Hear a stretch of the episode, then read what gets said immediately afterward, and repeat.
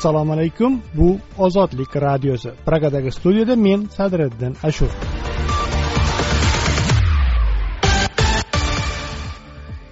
Ozodlikning bugungi dasturida qirg'iz tojik chegarasi qurolli to'qnashuv ortidan tomonlar o't ochishni to'xtatishga kelishdi. Blekaut non va yo'lkira narxlari oshdi. Tadbirkorlar iqtisodiy zararni hisoblamoqda. Blinken rossiya ukrainaga tajovuzni davom ettirsa mislsiz oqibatlar bilan yuzlashadi. Dasturimizdan o'zbekistonliklar hayotiga oid boshqa lavhalar hamda xalqaro xabarlar ham o'rin olgan bu ozodlik radiosi. Ozodlikda xabarlar. Yigirma sakkizinchi yanvar xabarlari bilan studiyada men sadriddin ashur. Qirg'iziston va tojikiston chegarasida sodir bo'lgan mojaro natijasida ikki tojikistonlik nobud bo'lgan tojikiston mxdq chegara qo'shinlari ma'lumotiga ko'ra otishma tufayli xo'jay alo qishlog'i turg'uni obidjon to'ychiyev hamda isfara shahri tez tibbiy yordam xizmati haydovchisi abdulatif sharipovlar qurbon bo'lgan. Shuningdek o'n kishi turli darajada jarohatlangan bo'lib ulardan olti nafari harbiy xizmatchilar va to'rt nafari tinch aholi vakillaridir. Ayni paytda chegarada vaziyat barqaror ikkala tomon mojaro sabablari va omillarini o'rganmoqda deya qayd etgan tojikiston chegaralarini qo'riqlash idorasi. Tafsilotlar bilan dastur davomida tanishasiz. O'zbekistonda aholini tabiiy gaz bilan ta'minlash energetika vazirligi iddaosiga ko'ra barcha hududlarda yuz foizga tiklangan. Vazirlik xabarnomasida yigirma sakkizinchi yanvar soat o'n bir holatiga ko'ra qoraqalpog'iston respublikasi mamlakatdagi o'n ikkita viloyat hamda poytaxt toshkentga tabiiy gaz to'liq yetkazib berilayotgani aytilgan biroq uzatilayotgan gaz bosimi qandayligiga aniqlik kiritgan emas. Ayni paytda energetiklar juma kuni soat o'n birdan o'n oltiga qadar ta'mirlash ishlari olib borilishi tufayli toshkent shahrining yunusobod va olmazor tumanlaridagi ikkita mahallada tabiiy gaz ta'minoti vaqtincha to'xtatilishini qo'shimcha qilganlar. Avvalroq rasmiylar yigirma yettinchi yanvar kuni soat o'n oltidan boshlab mamlakatning barcha hududlarida elektr energiyasi ta'minoti to'liq tiklangani to'g'risida ma'lumot bergan edi. O'zbekistonning tog'li hududlarida joriy yilning yigirma sakkizinchi yanvaridan o'ttiz birinchi yanvarigacha qor ko'chkisi tushishi mumkin. Bu haqda favqulodda vaziyatlar vazirligi matbuot xizmati ma'lum qilgan.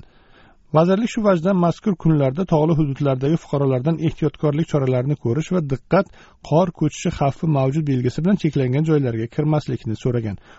O'zbekistonda birinchi yanvardan yigirma beshinchi yanvargacha is gazi bilan bog'liq o'n oltita holatda yigirma sakkiz kishi vafot etdi va to'qqiz kishi zaharlandi. Bu haqda aokada o'tkazilgan matbuot anjumanida qayd etildi. Rasman bildirilishicha ikki ming yigirma birinchi yilda is gazi bilan bog'liq jami yetmish to'rtta holat aniqlangan ularda oltmish yetti kishi zaharlangan va bir yuz yigirma sakkiz kishi o'lgan. O'tgan yili favqulodda vaziyatlar vazirligi ikki ming yigirma birinchi yilning yanvaridan o'n beshinchi dekabrga qadar is gazidan bir yuz yigirma besh kishi halok bo'lgani va bir yuz o'n besh kishi jarohatlangani haqida bildirgan edi. Xalqaro xabarlarga o'tamiz. Aqsh tashabbusi bilan o'ttiz birinchi yanvar kuni bmt xavfsizlik kengashi yig'ilishi o'tkazilib unda rossiya qo'shinlarining ukraina bilan chegara yaqiniga jamlanishi masalasi muhokama qilinadi. Rossiya yuz mingdan ortiq askarini ukraina chegaralariga keltirgan. U ukrainaga qarshi turli beqarorlashtiruvchi harakatlar qilmoqda. Hamda bu bilan xalqaro tinchlik va xavfsizlikka yaqqol xavf solayotir deyilgan aqshning bmtdagi doimiy vakili linda tomas grinfild bayonotida. Aqshga ko'ra xavfsizlik kengashiga a'zo mamlakatlar faktlarni o'rganib boshlanishi va rossiyaning ukrainaga muhtamal tajovuzi xalqaro xavfsizlik tizimi uchun qanday oqibatlarni keltirib chiqarishi mumkinligini muhokama qilishi lozim. Rossiya ukraina hududiga bostirib kirgan taqdirda yevropa ittifoqi unga qarshi qo'llaydigan sanksiyalar turkumi shimoliy oqim ikki quvuriga nisbatan ham tatbiq etilishi mumkin. Bu haqda germaniya tashqi ishlar vaziri anna lena berbak yigirma yettinchi yanvar kuni bundestagdagi nutqi chog'ida bildirdi. Vazir bunga oid boshqa tafsilotlarni keltirmagan germaniya hukumati rossiya ukraina atrofidagi vaziyatni keskinlashtirgan taqdirda unga nisbatan sanksiyalarni kuchaytirishni yoqlar ekan. Ushbu sanksiyalar shimoliy oqim ikki gaz quvuriga ham daxl qilish qilmasligi xususida hanuz aniq bir gap aytmayotgan edi. Aqsh davlat kotibi entoni blinken ozod yevropa ozodlik radiosiga bergan intervyusida agar rossiya ukrainaga nisbatan agressiya yo'lini tanlaydigan bo'lsa uni jiddiy oqibatlar kutajagini bildirdi. Biz moskvaga uning oldiga ikki yo'l nizolarni tinch hal qilish uchun diplomatiya va muloqot hamda agressiya yo'li borligini anglatish uchun qo'limizdan kelgan barcha ishni qilyapmiz. Biz ikkala yo'nalishda ham ish olib boramiz va rossiyaning har qanday tanloviga hozirlik ko'ramiz deya urg'uladi blinken. Davlat kotibiga ko'ra normand formatidagi muzokaralar yaxshi variant bo'lib qolmoqda biroq rossiya minsk bitimlari bo'yicha majburiyatlarni bajarishda ukrainaga nisbatan ancha sustkashlik qilyapti. Xabarlar bilan tanishdingiz. Boshqa yangiliklar ozodlik org saytida. Ozodlikda shoshilinch xabar. Yigirma yettinchi yanvar oqshomida qirg'iz tojik chegarasida ikki davlat chegarachilari o'rtasida otishma yuz berdi. So'nggi rasmiy bayonotlarga ko'ra tojik tomonidan ikki nafar qurbon bor. Tojikiston milliy xavfsizlik davlat qo'mitasi chegara qo'shinlari otishma tufayli xo'jay alo qishlog'i turg'uni obidjon to'ychiyev hamda isfara shahri tez tibbiy yordam xizmati haydovchisi abdulatif sharipovlar qurbon bo'lganini bildirdi. Shuningdek o'n kishi turli darajada jarohatlangan bo'lib ulardan olti nafari harbiy xizmatchilar va to'rt nafari tinch aholi vakillaridir. Jarohatlanganlar isfara shahar shifoxonasiga yotqizilgan. Qirg'iziston rasmiylari esa o'n bir harbiy jarohatlangani ularning jarohatlari shifokorlar tomonidan o'rtacha og'ir deb baholangani va barchasi botken viloyati shifoxonasiga yotqizilganini bildirdi. Chegaradagi otishma mahalliy vaqt bilan soat o'n to'qqiz o'ttizda boshlangan. Dastlabki rasmiy bayonotlarda chegaradagi to'rt ko'cha hududida ikki davlat fuqarolari o'rtasida nizo kelib chiqqani aytildi. Ma'lumotlarga qaraganda to'rtko'cha hududidan o'tuvchi botken isfana avtoyo'lini tojikiston fuqarolari to'sib qo'ygan. Ikki davlat chegarachilarining muzokaralari natijasida soat o'n to'qqiz o'ttizda yo'l ochilgan. Ammo soat o'n to'qqiz o'ttiz beshda chegarada otishma boshlanib ketdi. Otishma chegara hududida joylashgan besh aholi punktida samarqanddek to'rtko'cha ko'ktosh dahma ko'chabo'yi va galovnoy hududlarida kuzatilgan. Tez orada ijtimoiy tarmoqlarda chegara hududi tomon harakatlanayotgan og'ir harbiy texnikalar aks etgan videolar yoyila boshladi. Tun qorong'isida to'xtovsiz otilayotgan o'q ovozlari qayd etilgan videolar ham ulashildi. Qirg'iziston tomoni otishmalar markaziga aylangan hududlardan tinch aholi vakillari evakuatsiya qilina boshlanganini bildirdi. Video va suratlarda qalin ko'rpalarga o'ralib yuk mashinalarida hududdan olib chiqilayotgan qirg'izistonlik bolalar ham ko'rindi. Hodisa boshlanishidan biroz o'tiboq hatto ikki davlat rasmiy idoralari hodisaga jiddiy munosabat bildirishga ulgurmasidan kollektiv xavfsizlik shartnomasi tashkilotining bayonoti paydo bo'ldi. Tashkilot bosh kotibi stanislav zas darhol o't ochishni to'xtatishga chaqirdi va hatto bir qurbon borligini ma'lum qildi. Tashkilot matbuot xizmati tarqatgan bayonotda aytilishicha kxsht tojikiston va qirg'izistonga ziddiyatni tinch yo'l bilan hal qilishda ko'mak berishga tayyor. Tojikiston va qirg'iziston mdhning kxsht a'zolari sanaladi. So'ngra birin ketin chegaradosh davlatlar chegara xizmatlarining bayonotlari e'lon qilindi. Tomonlar bir birini otishmani birinchi bo'lib boshlashda aybladi. Jumladan qirg'iziston chegara qo'mitasi insidentni provokatsiya deb atadi. Davlat qo'mitasining bayonotiga ko'ra ikki ming yigirma ikkinchi yil yigirma yettinchi yanvar kuni tojikiston fuqarolari tomonidan botken isfana avtomobil yo'lining botken viloyatidagi to'rt ko'cha hududidan o'tuvchi qismi to'sib qo'yilgani buning misolidir deyiladi qirg'iziston milliy xavfsizlik qo'mitasi bayonotida. Unda ta'kidlanishicha ikki tomon chegara rasmiylarining dastlabki muzokaralari bilan yo'l ochilgan ammo keyin birinchi bo'lib tojik chegarachilari qirg'iziston harbiylariga qarata o't ochgan. Qirg'iziston respublikasi chegara xizmati bu insidentni provokatsiya deb hisoblaydi va buning uchun mas'uliyat to'liq tojikiston respublikasi milliy xavfsizlik qo'mitasi chegara qo'shinlari zimmasidadir deb ta'kidlandi qirg'iziston chegara qo'shinlari rasmiy bayonotida. Shuningdek ayni bayonotda keyingi paytlarda qirg'iz tomoni davlat chegarasida provokatsiyalar soni ortayotganini qayd etmoqda. Shunga qaramay tojikiston hukumati vaziyatni barqarorlashtirish uchun hech qanday chora ko'rmayotir deb ta'kidlandi.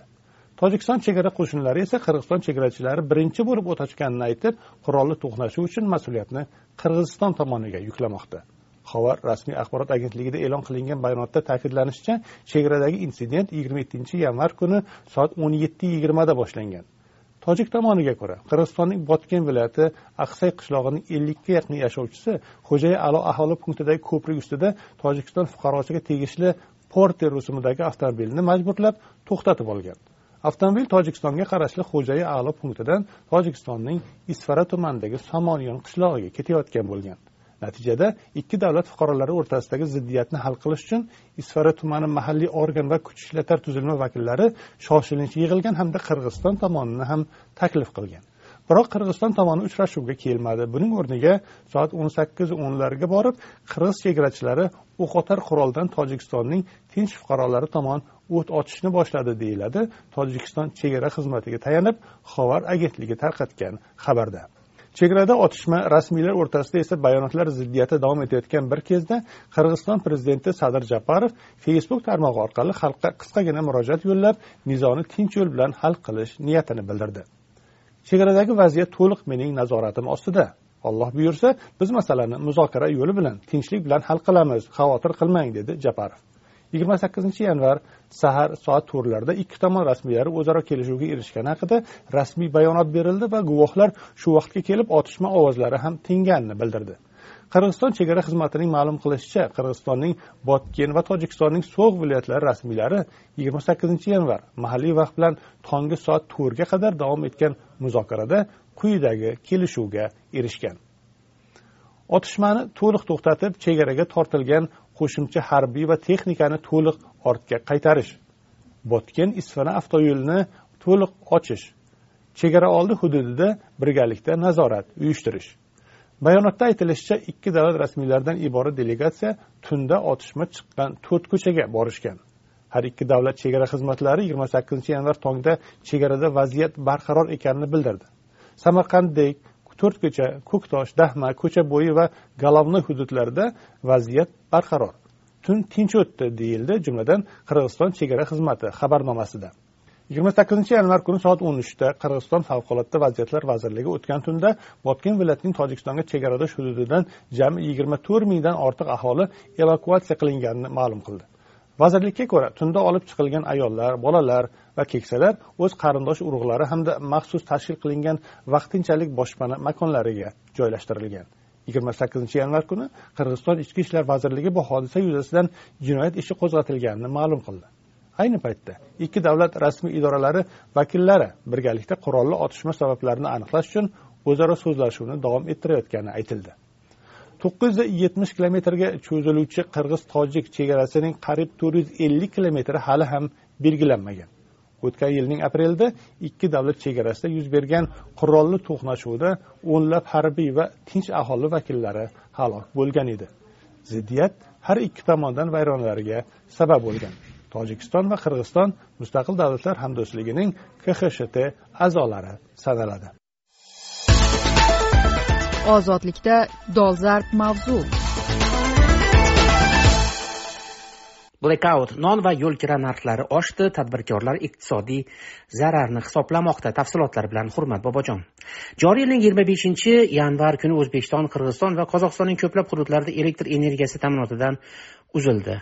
Mintaqaning yagona energetika halqasiga ulangan qozog'iston va qirg'iziston bir necha soat ichida ta'minotni qayta tikladi. O'zbekiston hanuz energotizimdagi yirik avariya oqibatlarini bartaraf etish ishlari davom etayotganini aytmoqda. Yigirma yettinchi yanvar kuni energetika vazirligi elektr energiyasi to'liq ta'minlangani gaz ta'minoti yigirma sakkizinchi yanvar kuni tiklanishini ma'lum qildi. Yigirma oltinchi yanvar kungi hukumat majlisida texnogen avariya chog'ida qo'llaridan hech narsa kelmaganini tan olgan o'zbekiston prezidenti shavkat mirziyoyev blekautdan saboq chiqarishga chaqirdi. Mamlakat energiya tizimi chuqur inqirozda ekanini aytgan qirg'izistonlik hamkasbi sadir japarovdan farqli o'zbekiston rahbari aybni tizim yoki biron shaxs zimmasiga yuklamadi. Bundan avval mirziyoyev mamlakat energetika infratuzilmasi eskirgani haqida bir necha bor gapirgan edi. Rasmiylar blekautning iqtisodiy zararlari haqida biror raqamni e'lon qilgani yo'q. Ayni paytda mahalliy aholi va tadbirkorlar energo tizimidagi avariyaning iqtisodiy oqibatlari bilan yuzma yuz qolganliklarini aytishmoqda. Andijonlik tadbirkor hayotulloning ozodlikka aytishicha novvoylar gaz yo'qligidan ko'mirga o'tgan non narxi ko'tarilishiga esa sabab bo'lmoqda. Narx navo qimmatlagan. Choyxona novvoyxona magazinlardan gazni uzib ketyapti. Hozir shunga hamma ko'mirga o'tyapti o'tinga o'tyapti. Yirik novvoyxonalar to'xtab turibdi. Non narxi qimmatlagan ikki ming so'mlik nonlar bugun uch yarim ming so'm katta patir arzoni o'n besh ming so'mga chiqib ketdi deydi hayotulloh o'zbekistonning aksar viloyatlarida metan zapravkalarining vaqtincha ishlamay qolgani kirakashlik qilib kun kechiradigan odamlarni qiyin ahvolda qoldirgan. Gaz shoxobchalaridagi vaqtincha cheklov shahar taksisi viloyatlararo yo'lovchi tashish yetkazib berish xizmatlari narxlarini yigirma foizga ba'zi joylarda esa ellik foizga qimmatlashgani aytilmoqda. O'zbekistonlik bloger dima qayum ham farg'onada yo'lkira sezilarli darajada oshganini aytadi. Moshinalar oz benzinda yuradigan taksilar sabab narx oshib ketyapti. Masalan ming so'mga boradigan yo'lga uch mingga bormoqda. Farg'ona rishton orasida qatnaydigan moshinalar yigirma besh ming so'rayapti. Oldin o'n o'n besh ming so'm edi. Bu tabiiy hol. Qishloq taksistlari tushuntiryapti odamlarga. Odamlar o'zlari bilib tushunib indamay haqqini beryapti deydi dima qayyum. O'zbekistonlik bloger otabek ortiqov o'zining telegram kanalida metan zapravkalari yopiqligi uchun litsenziyasiz haydovchilar benzinda bo'lsa ham kirakashlik qilishga o'tgani haqida yozgan. Farg'ona viloyati toshloq tumanlik fermer muhammadjon qobilov ozodlik bilan suhbatda issiqxonalari gazdan uzilgach endi hosilga kira boshlagan limonlari nobud bo'lish xavfi ostida qolganini aytadi. Gaz yo'q shundoq ham parniklarga gazni ikki baravar qimmat qilishgandi. Yetmish tup limon ekib kreditga parnik qilganman. Endi hosilga kirmoqda. Agar gaz berilmasa yaqin kunlarda bu nobud bo'ladi. Hozir havo uncha sovuq emas sovuq tushsa barbod bo'ladi hammasi deydi fermer.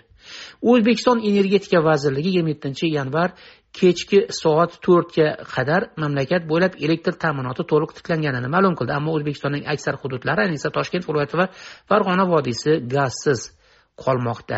O'zbekistonda yigirma beshinchi yanvar kuni ro'y bergan elektr energiyasi uzilishlari tufayli uztransgaz kompressor stansiyalari to'xtab qoldi. Buning ortidan energetika vazirligi yigirma oltinchi yanvardan avtomobillarga gaz to'ldirish stansiyalari faoliyatiga vaqtinchalik cheklovlar kiritilishi shuningdek yuridik iste'molchilarga ham tabiiy gaz yetkazib berish to'xtatilishini ma'lum qildi. Ozodlik radiosi xalqaro hayot. Blinken rossiya ukrainaga tajovuzni davom ettirsa mislsiz oqibatlar bilan yuzlashadi. Tafsilotlar bilan men usmon nazar aqsh davlat kotibi entoni blinken moskvani ukraina va g'arb bilan yuzaga kelayotgan inqirozni tugatish uchun diplomatiyaga chaqirar ekan. Agar rossiya ukrainaga bostirib kirsa buning keng ko'lamli oqibatlariga duch kelishini eslatib o'tdi. yigirma yettinchi yanvar kuni ozod yevropa ozodlik radiosiga bergan intervyusida blinken vashington haligacha kreml ukrainadagi vaziyatdan qanday chiqmoqchi ekani va yevropaning mavjud xavfsizlik tuzilmasini o'zgartirish borasidagi talablaridan nihoyiy maqsad nima ekanligini bilmaydi deb aytdi. Men kremlning yakuniy maqsadini ayta oladigan yagona inson bu rossiya prezidenti vladimir putin degan bo'lardim. Ehtimol uning o'zi ham hozircha aniq bir nima deyolmasligi mumkin chunki u azaldan iloji boricha o'zi uchun bir emas bir qancha variantlarni hozirlashni va bu orqali vaziyatni istagandek nazorat qilishga odatlangan. Bu uning yondashuv uslubi dedi blinken. Bir kun oldin aqsh rossiyaning avvalroq ikkita shartnoma loyihasi shaklida e'lon qilingan ultimatumlarga javoban o'z takliflarini yozma ravishda taqdim qildi. Rossiyaning yevropada yadro qurolini joylashtirishga yangi cheklovlar kiritish va boshqa bir qancha masalalarni ham ko'zda tutuvchi takliflari aqsh va uning yevropadagi ittifoqchilari tomonidan umumiy norozilik bilan kutib olindi. Shu oy boshida aqsh nato rossiya va yevropa diplomatlari jeneva bryussel va venada uchrashib ukraina masalasida uch raundlik oliy darajadagi muzokaralar o'tkazdi. O'shanda moskva o'zining ikkita loyihasini taqdim qilish bilan birga aqsh va natodan yozma javob ham talab qilgan edi. Yigirma oltinchi yanvar kuni aqshning moskvadagi elchisi vashingtonning yozma javobini rossiya tashqi ishlar vazirligiga topshirdi. Ushbu javob mazmuni nimadan iboratligi oldindan ma'lum emas edi. Ammo bir muddat o'tib rossiya tashqi ishlar vaziri sergey lavrov rossiya axborot agentliklariga bergan salbiy izohlardan aqshning yozma javobi moskvaga xush kelmagani ko'rindi. Kreml matbuot kotibi dmitriy peskovning aytishicha putinning ham bunga yozma izohlari borligini ma'lum qilgan. Albatta loyihani obdon tahlil qilish va yakunda maqbul qarorga kelish uchun prezidentimizga vaqt kerak. Ko'ramiz bu qanday bo'lishini deya peskovning so'zlarini keltirgan tass axborot agentligi. Video aloqa shaklida o'tkazilgan intervyuda blinkenning so'zlari rossiya tahdidi borasida aqsh va ukrainaning yondashuvi umumiy ekanligiga ishora qildi. So'nggi haftalarda ukraina prezidenti vladimir zelenskiy aqshning harakatlaridan biroz noroziday ko'rindi. U e'lon qilgan ikkita videoda odamlarni vahima qilmaslikka chaqirgan. Shu hafta boshida oq uy matbuot kotibi jon psaki jurnalistlarga bosqin yaqinlashayotganini aytgan edi. Albatta prezident zelenskiy haq vahima qilmaslik kerak. Hech kim vahima qilayotgani ham yo'q. Biz faktlarga qarayapmiz o'z hisob kitoblarimizga ko'ra harakat qilyapmiz va biz moskvaga uning oldida ikki yo'l nizolarni tinch hal qilish uchun diplomatiya va muloqot hamda agressiya yo'li borligini agar u agressiyani tanlasa buning oqibatlari jiddiy bo'lishini anglatish uchun qo'limizdan kelgan barcha ishni qilyapmiz. Biz ikkala yo'nalishda ham ish olib boryapmiz va rossiyaning har qanday tanloviga hozirlik ko'ryapmiz degan oq uy matbuot kotibi. Aqsh rasmiylari moskvaga qarshi qanday jazo choralari ko'rilishi mumkinligi haqida ba'zi signallarni ochiqladi. Bular rossiyani swift global bank to'lov tizimidan uzish yoki rossiyaga yuqori texnologik mahsulotlar eksportini taqiqlash choralari bo'lishi mumkin. Oq uyning ma'lum qilishicha rossiya chegarasiga yaqin nato ittifoqchilari hududiga ko'proq aqsh harbiylarini joylashtirish masalasi ham muhokama qilingan. Blinken mislsiz oqibatlar aynan qanday bo'lishiga va aqshning yozma javobiga batafsil to'xtalishdan bosh tortdi. Biz ularning xavotirlarini tingladik. O'zimizning shuningdek yevropadagi ittifoqchi va hamkorlarimizning chuqur xavotirlarini bayon qildik dedi u. Diplomatlar donbassda o't ochishni to'xtatishni ko'zda tutuvchi minsk kelishuviga qaytishga harakat qilmoqda. Shartnoma uning mazmuni va amalga oshirish jarayoni borasida yagona to'xtamga kelinmagani sababli uzoq vaqtdan beri to'xtab qolgan edi. Yigirma oltinchi yanvar kuni fransiya germaniya rossiya va ukraina diplomatlari parijdagi muloqotda fevral oyi o'rtalarida berlinda yana muzokaralar o'tkazishga kelishib oldi. Blinken minsk kelishuvlarini hamda fransiya germaniya rossiya va ukraina ishtirokidagi normand formatidagi muzokaralarni ma'qullagan. Biroq u moskva yaxshi niyat bilan muzokaralar olib bormayotganini ham qo'shimcha qilgan. Vijdonan aytganda hech bir tomon hali shartnomada talab qilingan majburiyatlarni qilishga kirishmagan bo'lsada ukrainaga qaraganda ko'proq rossiya bu kelishuvlardan voz kechdi.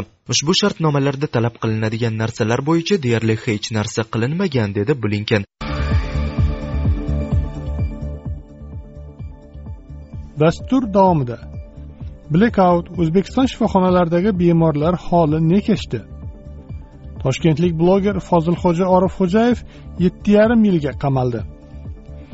Ozod mikrofon sham o'n besh ming so'mga chiqdi. Barcha og'irlik yana oddiy xalqning yelkasiga tushyapti. Dasturimizning ikkinchi qismidan esa eks deputat olimjon to'xtazarovning ozod nazarini tinglaysiz. Prezidentni o'zbekiston qahramoni unvoniga tavsiya qilib adashgan ekanman. Prezidentimiz haqiqatdan ishni yaxshi olib boryapti lekin atrofidagi keskin mulozimatga ketish kerakda bu ozodlik radiosi.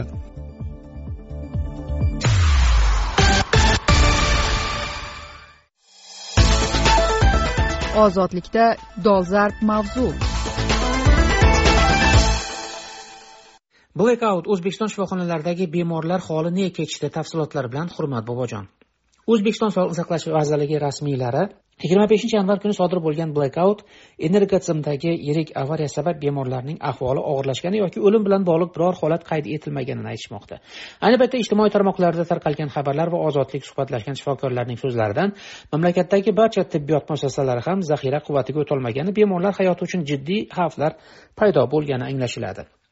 O'zbekiston hukumatining koronavirusga qarshi kurash shtabi a'zosi sevara ubaydullayeva ozodlik bilan suhbatda o'zbekistonda elektr ta'minotida uzilishlar bundan oldin ham bo'lgani sabab tibbiyot muassasalarida muqobil elektr manbalari avvaldan shay qilib qo'yilganini aytdi.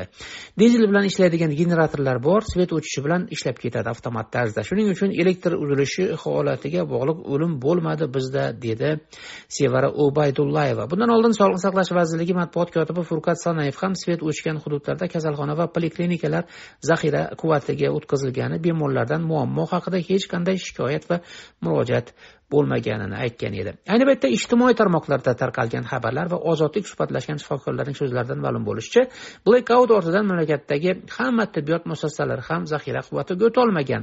Surxondaryo viloyati angor tumani kasalxonasida ishlovchi ismini ochiqlamagan vrachning ozodlikka aytishicha generatorlar ishlamay qolgan. Svet o'chdi suv nasoslari ishlamay qoldi suv ham uzilib qoldi og'ir bemorlar tang ahvolda qoldi. Juda qiyin bo'ldi. Nomiga qo'yilgan uch yuz sakson voltlik generatorlar ishlamaydi kecha ham ishlamadi.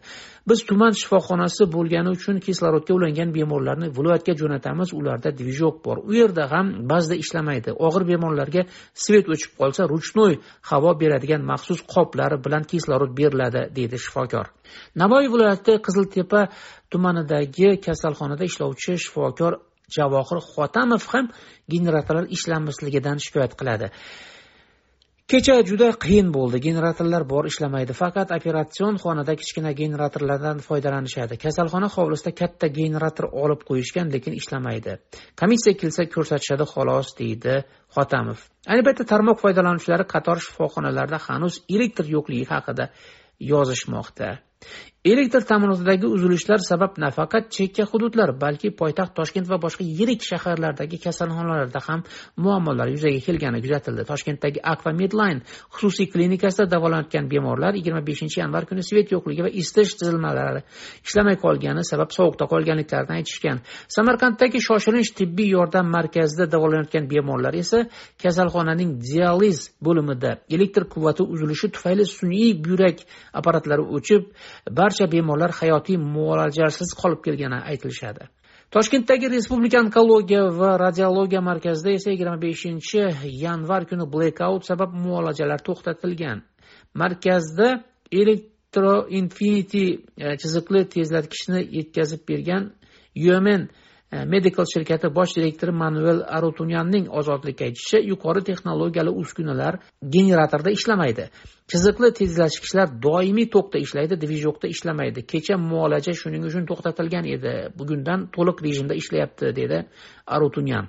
Koronavirusga qarshi kurash shtabi a'zosi sevara ubaydullayeva ozodlik bilan suhbatda ba'zi kasalxonalarda muammolar yuzaga kelgan bo'lishi mumkinligini inkor etmaydi. To'g'ri ba'zi uskunalarga doimiy tok kerak. Har xil holat bo'lishi mumkin. Dvijoklar ishlamay qolishi mumkin. Mana gemodializ uskunasi ham siz aytganda yuqori texnologiyali qurilma. U ham avtodvijok e, bilan ishlamasligi mumkin. Bizda og'ir bemorlarni ushlab turgan uskunalar uchun kerak bo'lgan quvvatga qarab dvijok o'rnatganmiz. Gemodializ yoki nurlanish uskunalari bilan muolaja keyin ham davom ettirilishi mumkin. Svet tiklangandan keyin ham davom ettirsa bo'ladi buni.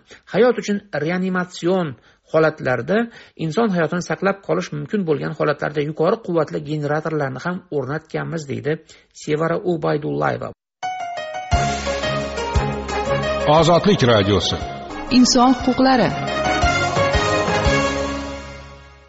toshkentlik bloger fozilxo'ja orifxo'jayev yetti yarim yilga qamaldi. Tafsilotlar bilan men usmon nazarov ijtimoiy tarmoqlarda abror muxtoraliy taxallusi ostida ziddiyatli chiqishlar bilan tanilgan abror abduazimov bilan toshkentdagi to'xtaboy masjidi oldida bo'lib o'tgan tortishuv ortidan qo'lga olingan bloger fozilxo'ja orifxo'jayev yetti yarim yilga qamaldi. Toshkent shahar sudlari telegram kanali tarqatgan ma'lumotga muvofiq joriy yilning yigirma oltinchi yanvar kuni jinoyat ishlari bo'yicha olmazor tuman sudida qirq bir yoshli fozilxo'ja orifxo'jayev ishi bo'yicha sud jarayoni nihoyasiga yetib hukm e'lon qilingan. Sudya nuriddinov raisligida yuritilgan sud hukmiga ko'ra sudlanuvchi o'zbekiston jinoyat kodeksining ikki yuz qirq to'rtinchi moddasi jamoat xavfsizligi va jamoat tartibiga tahdid soladigan materiallarni tayyorlash saqlash tarqatish yoki namoyish etish.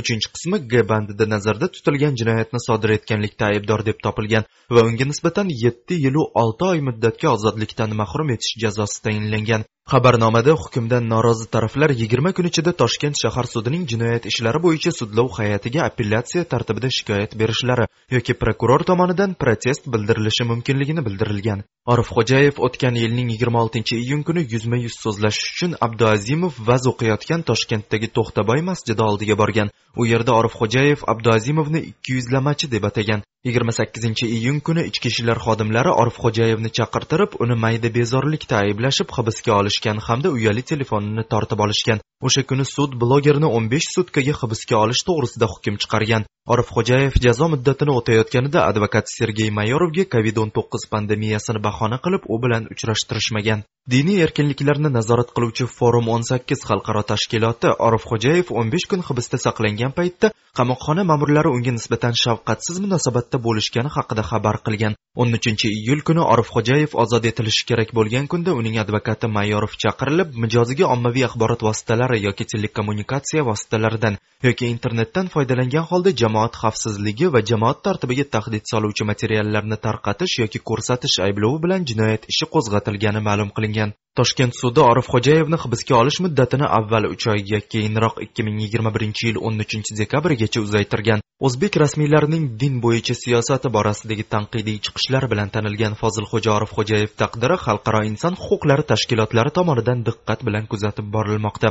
Xususan human rights watch huquqbonlik tashkiloti o'tgan yil to'qqizinchi dekabrda rasmiylarni toshkentlik blogerga qo'yilgan asossiz ayblovlarni bekor qilish va uni zudlik bilan ozod qilishga chaqirgan. Xalqaro tashkilotning shu yil 11 yanvarida e'lon qilingan hisobotida esa davlatning diniy idorasi nazoratidan tashqarida o'z e'tiqodiga ega bo'lgan musulmonlar soxta diniy ekstremizm bilan bog'liq jinoiy ayblovlar nishoniga aylandi. Iyun oyida politsiya hukumatning ochiq tanqidchisi fozilxo'ja orifxo'jayevga ekstremizm bilan bog'liq ayblovlar qo'ydi va uni uch oyga tergov hibsxonasiga jo'natdi deyilgan edi. Jinoyat ishlari bo'yicha mirobod tuman sudi o'tgan hafta toshkentlik bloger miraziz bozorovga nisbatan uch yil ozodlikni cheklash jazosi tayinlash haqida hukm chiqargan. Rasmiy ma'lumotlarga ko'ra bloger bozorov ustidan da'vo arizasi yozgan to'rt shaxsning biri ham abror abduazimov bo'lgan. Odnoklassniki instagram facebook twitter. Ozodlik mushtariylari eng ko'p yig'ilgan tarmoqlardir.